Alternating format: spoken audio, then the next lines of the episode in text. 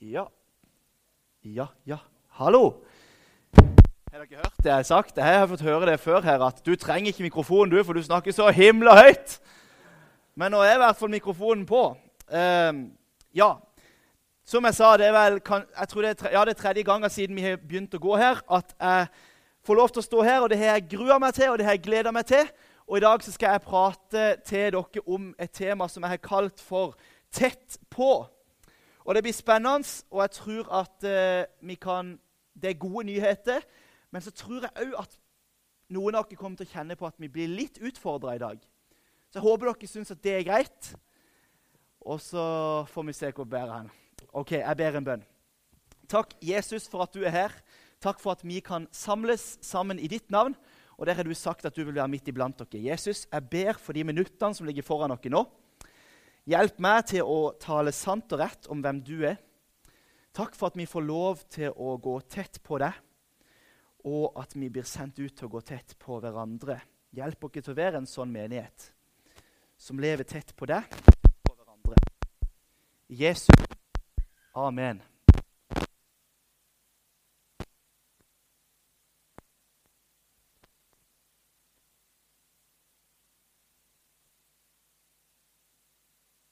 Skal vi se. Det er bra. Litt tekniske utfordringer i starten, og så er vi good to go. Skal jeg ta på meg jakka òg? Skal vi se. Det var jo ikke så enkelt. Den er jo kommet helt på skakka av. vet du. Sånn. Men han var fin, da, var han ikke? Når jeg nå er på, på plass igjen, så er det veldig flott. Helt supert og klar for å prate om Tett på. Når jeg var fem-seks år, så hadde jeg en utrolig flau opplevelse. Det er ikke så, så, veldig big deal når jeg ser tilbake på det nå. Men da så opplevdes det som det flaueste jeg hadde vært med på til da i livet mitt. Mammaen min har i alle år hatt noe som heter forening. Og jeg vet ikke til dags dato hva forening egentlig er. Hva i alle dager er forening? Sant? Vi møtes en gang i måneden, og så prater de om jeg vet da søren hva de prater om. Det er jo det som er. Jeg skulle gjerne likt å vært flua på veggen på en sånn forening. Er det noen her som har vært på forening før? Ja, det er noen som OK, ta kontakt etterpå. Jeg har noen spørsmål jeg vil stille. Men mamma hadde i hvert fall forening hjemme hos oss i huset vårt. Og eh, jeg var fem-seks år og fikk ikke sove. For hønseflokken var samla. Og da vet vi hvordan det kan bli. Da gjenger skravla i ett, og jeg tenker nå skal jeg gå ned og eh, bare si til mamma at jeg ikke får sove. Ned i pushen ikke sant? Og i stua der. Og komme hit mot det bordet som de sitter rundt og spiser, og ser mamma bakfor og tenker at dette, der er mamma. Jeg går hit, og så bare omfavner jeg henne i en god klem og sier jeg får ikke sove. Og det er akkurat det jeg gjør. Jeg gjenger bort målbevisst hit til mamma, slenger hendene rundt og så 'Mamma, jeg får ikke sove.' Idet jeg innser at det er ikke mamma Plutselig sitter jeg kinn til kinn med ei dame fra foreninga til mamma, og jeg blir altså så flau. Så flau. Og jeg kjenner at det bare blir rødt. ikke sant? Og tett på fikk en litt snodig betydning for meg der og da. Fordi det som jeg har lagt merke til, det er at når du kommer tett på noe eller noen, da ser du ting litt mer klart. Det var når jeg så denne dama som jeg trodde at var mamma bakfra, som så sveisen og alt, tenkte dette er mamma. Hiver meg inn i en klem. Og så når du kommer tett på, så skjønner du plutselig oi, dette var ikke mamma. Og Sånn tror jeg det er at vi kan se ting på avstand. Enten det er menneske, eller det er et eller annet tema som vi prøver å sette oss inn. Hvis vi ser det litt på avstand, så ser vi det på én måte. Men hvis vi kommer tett på, så ser vi ting på en litt annen måte. Vi ser ting nøyere. Det er vanskeligere å skjule ting når du er nærme. Det er vanskeligere å gjemme vekk ting man ser det klarere, man ser det tydeligere når man er tett på. Og akkurat sånn fikk jeg erfare det som femåring. At oi, dette var ubehagelig å være tett på noen som ikke var mamma. Så er det ikke den typen tett på jeg skal snakke om i dag. Men jeg skal snakke om at jeg tror at Jesus kaller alle mennesker til å gå tett på han. Og han sender ut de samme menneskene til å gå tett på andre mennesker. Ikke som i at vi skal hive oss rundt og gi hverandre en klem, og for så innse at 'oi, hvem er du?' Men jeg tror at vi skal få lov til å gå tett på Jesus med livene våre, og tett på hans sitt liv. For vi ser i Bibelen at Jesus, han finner vanlige mennesker, vanlige, syndfulle, feil, fullt av feil og mangler, sånne type vanlige mennesker. Og så inviterer han deg tett på sitt liv. Og Et eksempel på det skal vi se i Markus kapittel 2 i dag.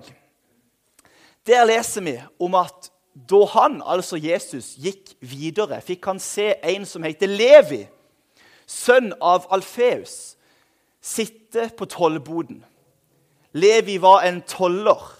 Han krevde inn penger fra folk og jobba for de romerske styringsmaktene. Og hvordan tjente disse tollerne penger? Jo, det var med å ta litt ekstra betalt. Tollerne var ikke spesielt godt likt av folket nettopp av den grunn. Se for deg at det sitter en i en av bomstasjonene her som er på hvert gatehjørne i Stavanger. Og så står det på, skiltet at det her koster det 21, men så er det en mann som har tatt på seg reflekset, som sa Jepp, stopp! 150, takk.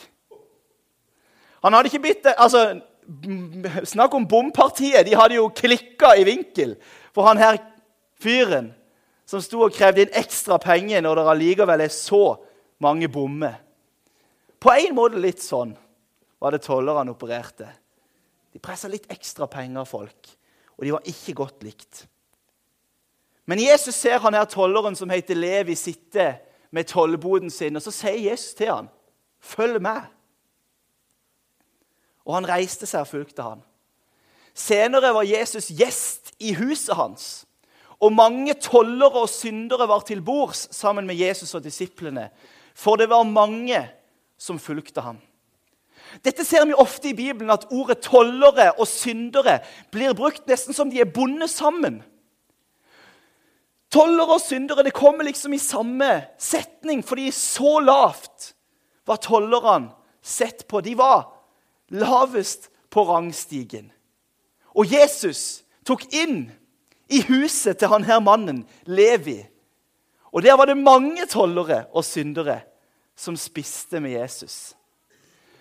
Men når de skriftlærde og fariseerne så at han spiste med syndere og tollere, da sa de til disiplene Du, hvordan, hvorfor spiser han egentlig sammen med tollere og syndere? Hvis han, er, hvis han er Guds sønn, hvis han er verdens frelser, hvorfor sitter han egentlig da og spiser med de som er så lavt nede på rangstigen, med de som har gjort så mye galt, med de som presser penger av folk, med de som ingen vil ha noe med å gjøre.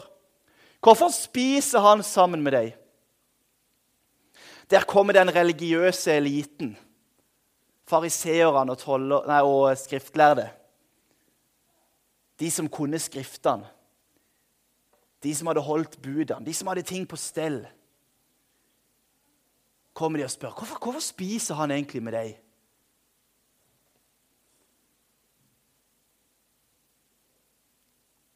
Teit spørsmål, tenker kanskje vi.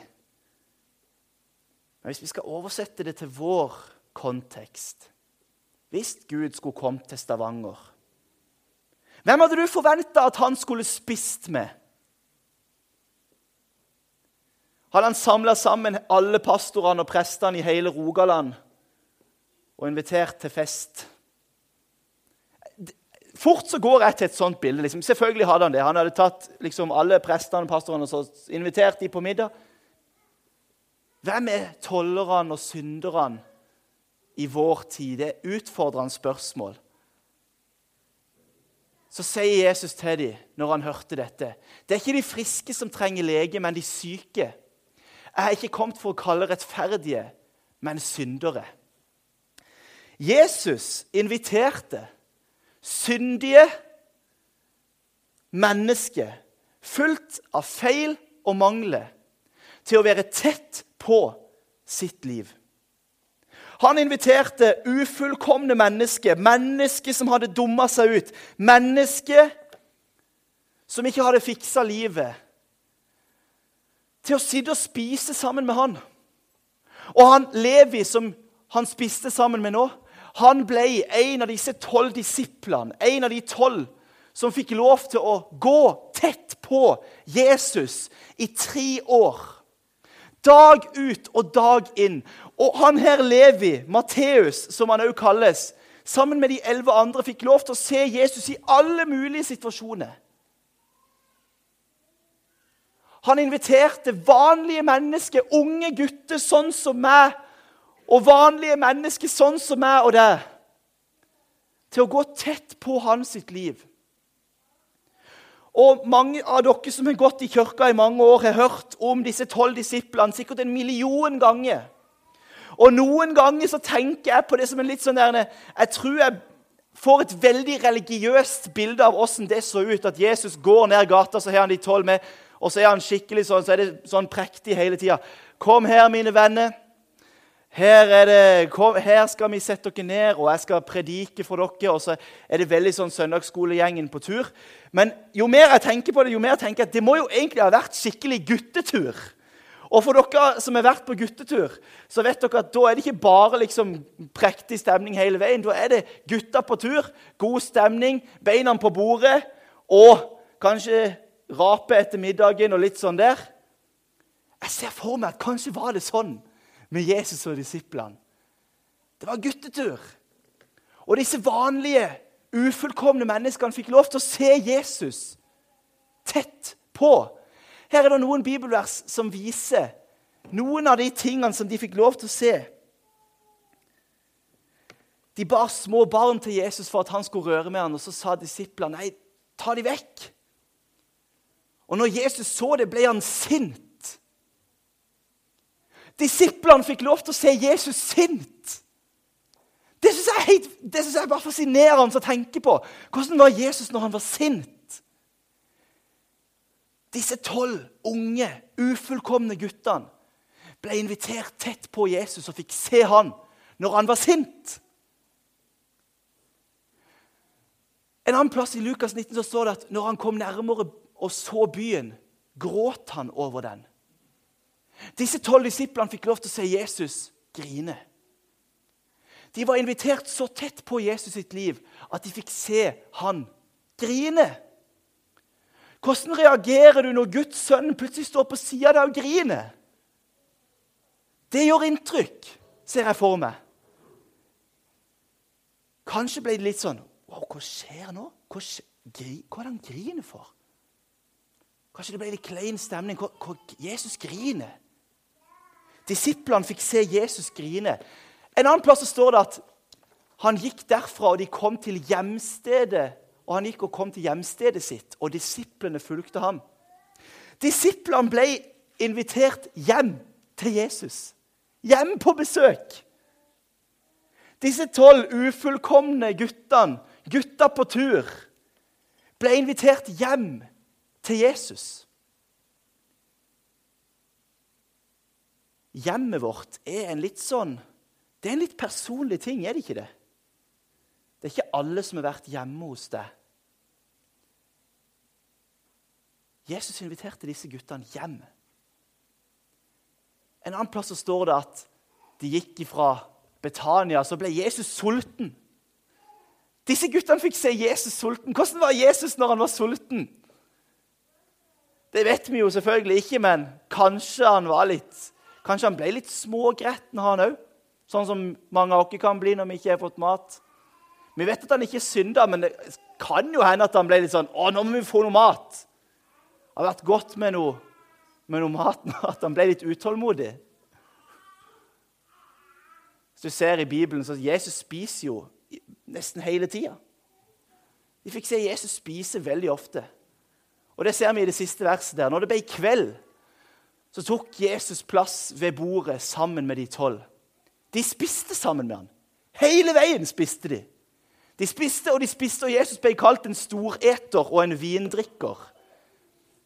Disse tolv ble invitert tett på Jesus. Og det får meg til å spørre meg sjøl det spørsmålet Går jeg tett på Jesus i min hverdag? For jeg tror at på samme måte som Jesus kom og inviterte disse tolv helt vanlige, ufullkomne guttene til å gå tett på sitt liv, så er det den samme invitasjonen som har gått etter generasjon etter generasjon. Nemlig at Jesus, kristen tro, kristendommen, handler om at Jesus sier 'Kom og vær sammen med meg'. Kom og lev tett på meg. Og da tvinges jeg til å stille meg sjøl et spørsmål ja, men går jeg tett på Jesus i min hverdag. Griner jeg av de tingene som han ville grene for? Blir jeg sint på det Jesus blir sint på? Er jeg sammen med de folkene som Jesus ville vært sammen med? Sånne spørsmål er det som dukker opp hos meg. Jesus inviterer vanlige, ufullkomne mennesker til å gå tett på han. Du er invitert til å gå tett på Jesus. På samme måte som de tolv ble invitert, så er vi invitert til å gå tett på Jesus. Med alle våre feil og mangler, og med å se Jesus tett på, så kan vi få lov, på grunn av Hans nåde, å se Han å gå sammen med han gjennom dette fellesskapet, gjennom å lese i Guds ord, gjennom å snakke til han gjennom bønn. Vi inviteres til å gå tett på Jesus. Men så er det en annen side av saken. Det er nemlig det at disse tolv vanlige, ufullkomne guttene som ble invitert til å gå tett sammen med Jesus de ble òg sendt ut av den samme Jesus til å gå tett på andre. I Johannes 20 så står det at Jesus sier, sånn som far, altså Gud, har sendt meg Jesus, sender jeg dere. Så åndet han på dem og sa, ta imot Den hellige ånd. En annen plass så står det at han sier, gå derfor ut og gjør alle folkeslag til disipler. Vi inviteres tett på Jesus, akkurat som de tolv disiplene ble invitert til å gå tett på Jesus. Og se han fra nært hold og kjenne han. Men når han hadde gått sammen med dem i tre år, så sa han nå er det deres tur. Jeg sender dere ut for å på samme måte som jeg har invitert dere tett på, til å invitere andre mennesker til å gå tett på deres liv. Og nei, de var ikke Jesus. Og nei, vi kommer aldri til å bli Jesus. Og det visste Jesus veldig godt. Likevel sendte han de ut, de vanlige tolv guttene, til å invitere andre mennesker tett på sitt liv. Og når vi leser dette i kirka i Norge i 2020, så leser vi dette og så tenker vi vi må gjøre disipler. Men noen ganger så blir jeg litt frustrert når jeg ser åssen jeg er i mitt eget liv og åssen vi i våre liv løser dette. For ofte så ser det sånn her ut at man skulle nesten tro at Jesus hadde sagt 'Gå derfor ut og gjør alle til frivillige i kirka'. Au, det gjorde vondt. Det skulle jeg aldri sagt. Åh. For vi trenger jo flere til å være med på Jetro. Og vi trenger jo flere til å være i smågrupper. Vi trenger jo flere! Sparke beina under hele greia.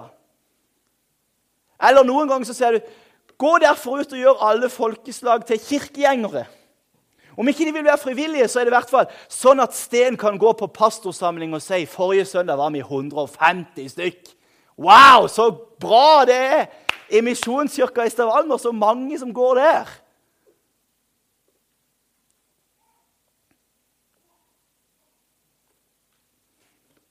Gå derfor ut og gjør alle til medlem i kirka. For sånn får vi statsstøtte, og sånn får vi mer penger til å gjøre sånn at flere kan komme og gå i kirka. Og sånn at vi slipper å være frivillige, sånn at vi kan ansette noen til å jobbe med det som jeg ikke har tid eller lyst til å gjøre sjøl. Å, søren òg, det skulle jeg aldri sagt. det gjør vondt. Det gjør vondt.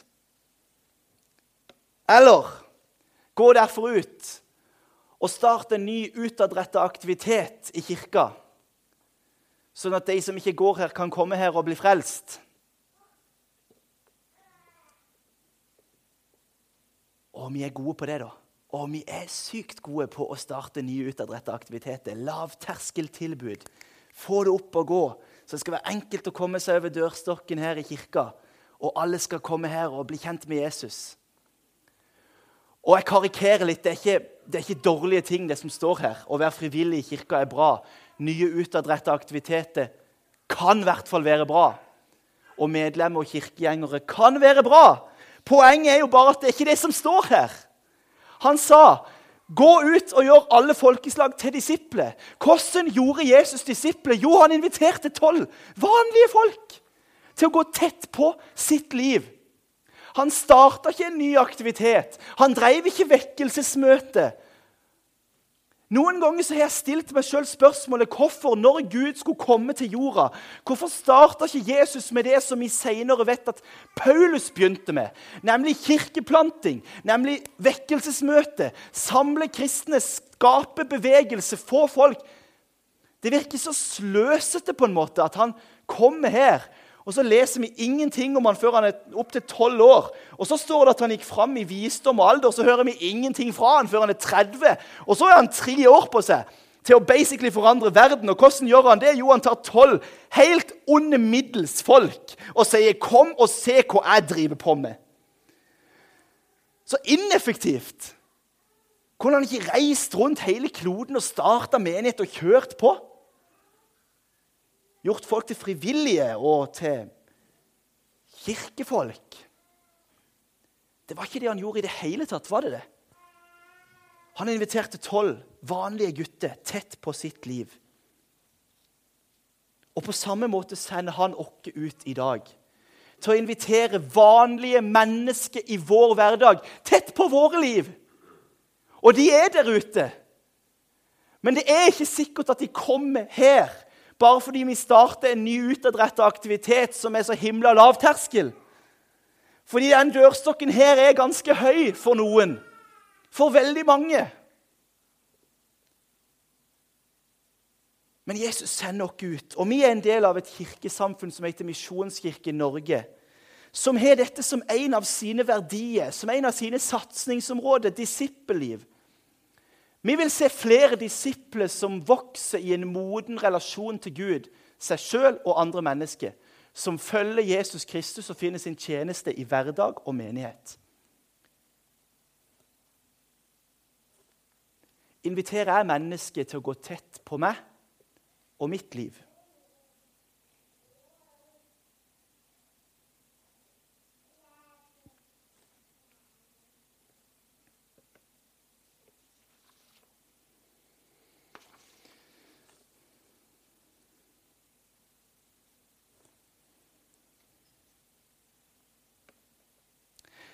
De fleste av oss omgås en del folk i løpet av ei uke.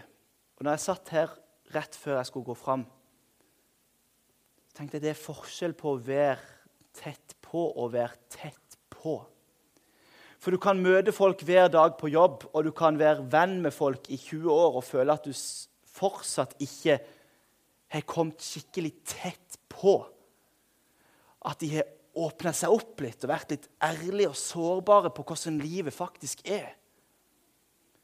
At du har fått lov, sånn som disiplene så Jesus, være sint, grine, være sulten, slenge beina på bordet, sove litt. Det er forskjell på å være tett på og være tett på. Men jeg tror at vi sendes ut til å gå tett på andre. Når Jesus sier 'Gå derfor ut og gjør alle folkeslag', hele Stavanger, hele Sandnes, hele Rogaland, til disipler, så handler det om at meg og deg tar Jesus Kristus sitt forbilde til etterfølgelse og sier 'Jeg skal være en person' som lar helt vanlige mennesker med feil og mangler få lov til å komme tett på mitt liv og se at jeg er et vanlig menneske med feil og mangler som er avhengig av Jesu Kristi nåde hver eneste dag. Det har overraska meg så etter hvert som jeg har gått mer og mer i menigheter rundt forbi i hele verden holdt jeg på å si, og sett hvordan folk kan ha vært kristne i 20 år, 30 år. Og de kan hele denne her både baklengs og framlengs og, og vet hva som står, og kan til og med noen dele på det originale hebraiske språket. liksom. Men så har de aldri stilt seg sjøl spørsmålet hvem er mine disipler? Hvem er det som går tett på meg og mitt liv? Og Det er en pastor i Misjonskirken i Norge som vi er en del av, som heter Torbjørg Oline Nyli, som har skrevet en bok som heter 'Etterlysning åndelige foreldre'. Og Jeg har bare lyst til å si til dere som sitter her, som er på min alder og oppover Nå inkluderte jeg mange her. Var ikke det herlig? 25 år pluss. Les denne boka. Hvis Stavanger misjonskirke knekker koden til denne boka her Wow! For en nøkkel det ville vært! I går fikk jeg telefon av en venn av meg som er ungdomspastor. En eller annen plass på Sørlandet. Jeg skal ikke si hvor. Han hadde fått telefon fra noen på ungdomsmøtet sitt. Det var to jenter fra Storhaug som hadde vært på møte på Sørlandet på fredag og blitt frelst. De kommer tilbake her på mandag og skal gå på skolen. og Så spurte han hvordan kan vi ta Å, hekk, vil jeg bli rørt av det. Hekk. Hvordan kan vi ta vare på deg? Så ringer han til meg og spør hvordan vil dere gjøre det. Og så kjenner jeg på at ja, men det er jo mitt ansvar. Det er mitt ansvar. Det er to 15 år gamle jenter fra Storhaug som har vært på hyttetur til Sørlandet i helga og møtt Jesus. Hva har vi tenkt å gjøre med det? Hva har vi tenkt å gjøre med det? Det skjer fortsatt. Det skjer at unge mennesker møter Jesus, og de trenger dere. Nå ser jeg på dere som har grått hår, nå ser jeg på dere som har vært aktive i 30 år. Dere er ikke gått ut på dato. Dere er ikke for gamle. Dere er ikke ferdig. Dere har lenge igjen, og dere trengs her. Jeg trenger dere, og vi trenger dere. Men våg å slippe dere tett på. Her er det en fra Imi-kirka som har hatt en kommentar i denne boka. Steve Bruns. Vi må tenke på livet vårt som en ressurs, sier han. Det å være til stede betyr mye. Vi har kompetanse i å leve, i å være foreldre, i å være gift. Selv om vi ikke alltid får det til. Kanskje jeg vil si spesielt fordi vi ikke alltid får det til. Om man våger å slippe inn andre mennesker i sine svakheter og feil, så skapes det mye godt for ingen ønsker vel å følge en ufeilbarlig Supermann. Hva om vi vågte å invitere andre tett på våre liv? Hvordan kan jeg gjøre det i min hverdag? For mange av dere har masse som skjer, og det kan være jobb, og det kan være studie, det kan være barn og barnebarn. Og dagene flyr av sted, men La oss ta noen få sekunder og tenke hvordan kan du invitere mennesket tett på ditt liv?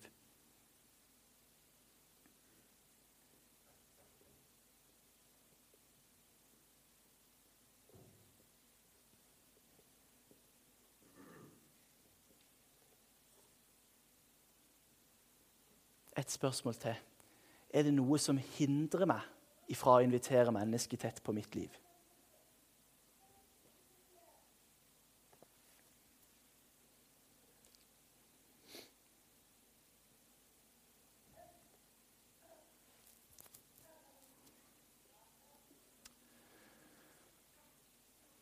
Vi sendes ut til å gå tett på andre. Denne talen har hatt to deler. Vi inviteres til å gå tett på Jesus, og vi sendes ut til å gå tett på andre. Når jeg slutta i Misjonskirka i Lyngdal som ungdomspastor, så hadde kona mi Malin fått mange av de ungdommene som jeg hadde vært ungdomspastor for, til å skrive en hilsen til meg i ei bok. Og når jeg leste de hilsenene som sto der, så var det én ting som var fellesnevneren for alt. Det var at jeg satt igjen etter jeg hadde lest, og hadde da hylgreiene når jeg leste den, og så sa jeg jeg tenkte Var det alt som skulle til? Var det alt som skulle til? For der sitter det folk som Og dette sier jeg ikke for at, liksom, at se hvor alt jeg har fått til. for Det er nettopp derfor jeg, ikke, det er derfor jeg sier det, for det er ikke det det handler om. Det var så lite som skulle til.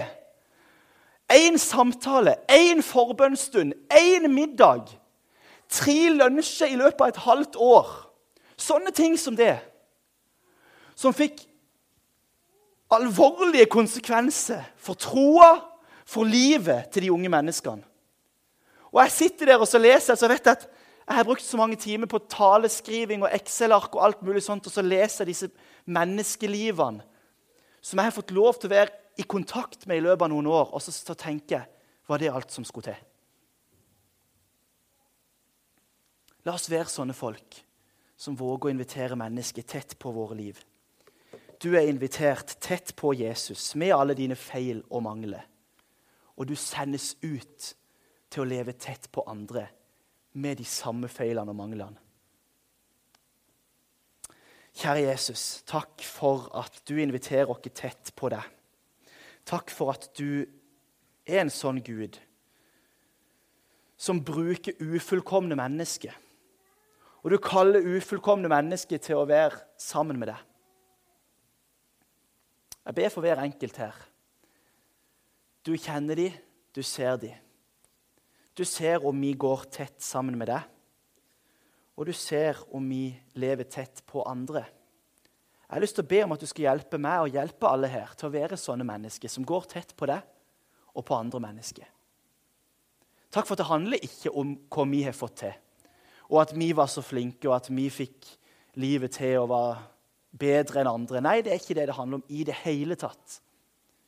Det handler om din nåde, som gjør det mulig for oss å være sammen med deg og gå ut og være tett på hverandre.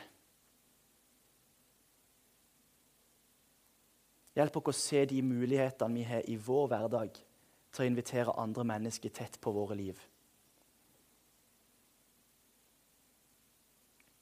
Jesu navn. Amen.